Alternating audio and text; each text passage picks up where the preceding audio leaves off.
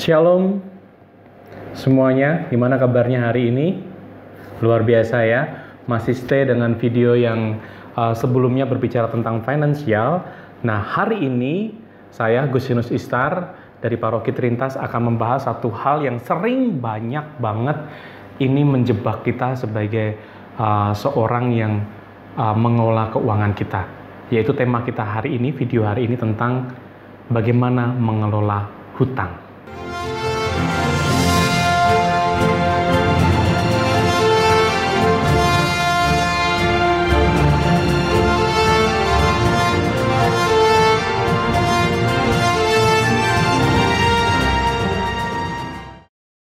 Karena beberapa waktu yang lalu ketika saya uh, dalam posisi bagian ini, saya mengalami sebuah peristiwa yaitu tentang terjebak dengan hutang. Karena apa? Karena keinginan. Dulu ketika saya mengawali sebagai seorang profesional, saya pengen beli yang namanya handphone yang terbaru, tercanggih. Ya, pada akhirnya apa yang saya lakukan? Saya langsung hutang KTA. Nah, ketika saya hutang KTA, apa yang terjadi? Waduh, saya bayarnya nggak tentu bunganya makin panjang. Akhirnya saya yang uh, bunganya makin lama makin lama makin lama. Akhirnya yang terjadi secara reflektif dalam hidup saya adalah saya nggak damai sejahtera terhadap hutang. Karena pikiran saya hutang hutang hutang. Cara bayarnya bagaimana bagaimana cepat menyelesaikan hutang. Tapi saya tidak melihat atau memikirkan atau mengalihkan perhatian saya dengan berkat Tuhan hutang ternyata membuat kita jauh dari Tuhan. Karena hutang itu bertolak belakang dengan yang namanya berkat. Sehingga kita akan terfokus dengan hutang jauh dari berkat Tuhan. Padahal Tuhan selalu ingin berikan kita berkat. Jadi pada intinya hutang itu bisa menjadi jerat kalau kita tidak mengelola dengan baik dan benar. Nah caranya bagaimana sekarang? Agar kita bisa mengelola hutang yang baik dan benar bagaimana. Yang pertama, kita harus ingat kembali bahwa hutang itu adalah uang dari masa depan kita tarik sekarang. Kalau nabung dari sekarang untuk masa depan. yang pertama. Yang kedua, kita harus tahu betul tentang apa yang akan kita lakukan terhadap hutang itu. Kalau itu hutang konsumtif ya itu kita harus hindari. Tapi kalau hutang itu produktif, ini bisa menjadi pertimbangan sesuai dengan kebijakan atau kita bisa uh, minta hikmat untuk pengelolaannya. Sehingga hutang produktif ini bisa menghasilkan juga. Tetapi pada prinsipnya adalah kita harus dengan hikmat pada waktu kita mau melakukan hal tersebut. Nah, bagaimana kalau kita sampai terjebak dengan hutang yang konsumtif, akhirnya membuat kita terikat, akhirnya damai sejahtera kita hilang. Saya akan berikan tips-tips untuk kita bisa keluar dari zona hutang yang konsumtif ini. Ya. Yang pertama adalah kita harus lunasi dengan nominal yang kecil dulu.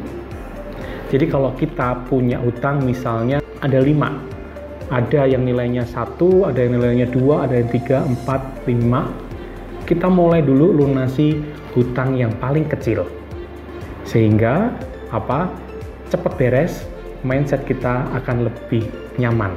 Yang kedua perkecil orangnya atau tempatnya. Jadi kalau sudah yang kecil satu udah sudah lunas ya perkecil lagi. Pengennya yang yang tiga yang keempat juga lunas sehingga usahakan menjadi lebih sedikit jumlahnya. Misalnya berutang hanya dua, dua tempat atau dua orang saja dari lima. Jadi kita sederhanakan menjadi dua, sehingga fokusnya kita hanya kepada dua saja untuk menyelesaikan.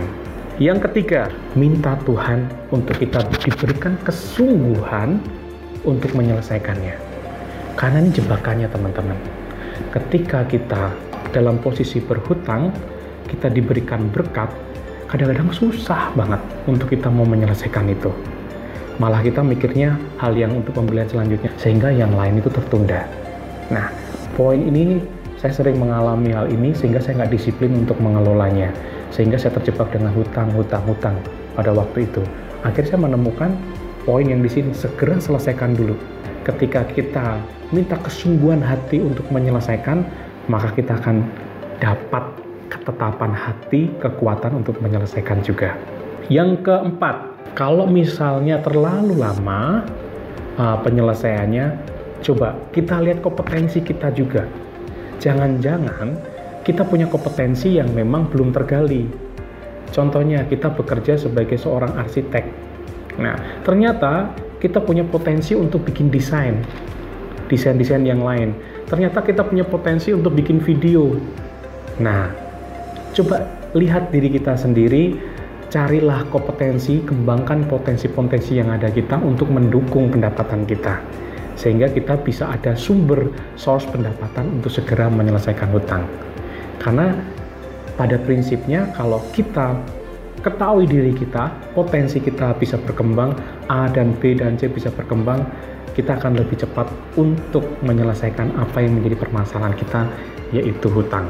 Setelah kita uh, menggali potensi kita, uh, keahlian kita, terus mungkin kita ternyata bisa A, bisa B, bisa bikin makanan, terus kita bisa jual di Instagram, bisa jual B dan sebagainya, sehingga menambahkan pendapatan kita, otomatis itu akan membantu untuk mengurangi hutang. Ya, kita lakukan untuk mengurangi hutang. Nah, setelah itu kita pun juga harus melihat pengeluaran kita. Gaya hidup kita juga mulai kita lihat Jangan-jangan selama ini kita yang menyebabkan kita hutang banyak karena gaya hidup kita. Mulai stop hal-hal yang pengeluaran yang tidak perlu. Ini bisa menghasilkan sesuatu yang lebih loh ternyata.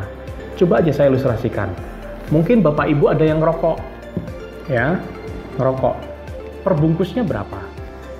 Kali 30 hari berapa? Gorengan.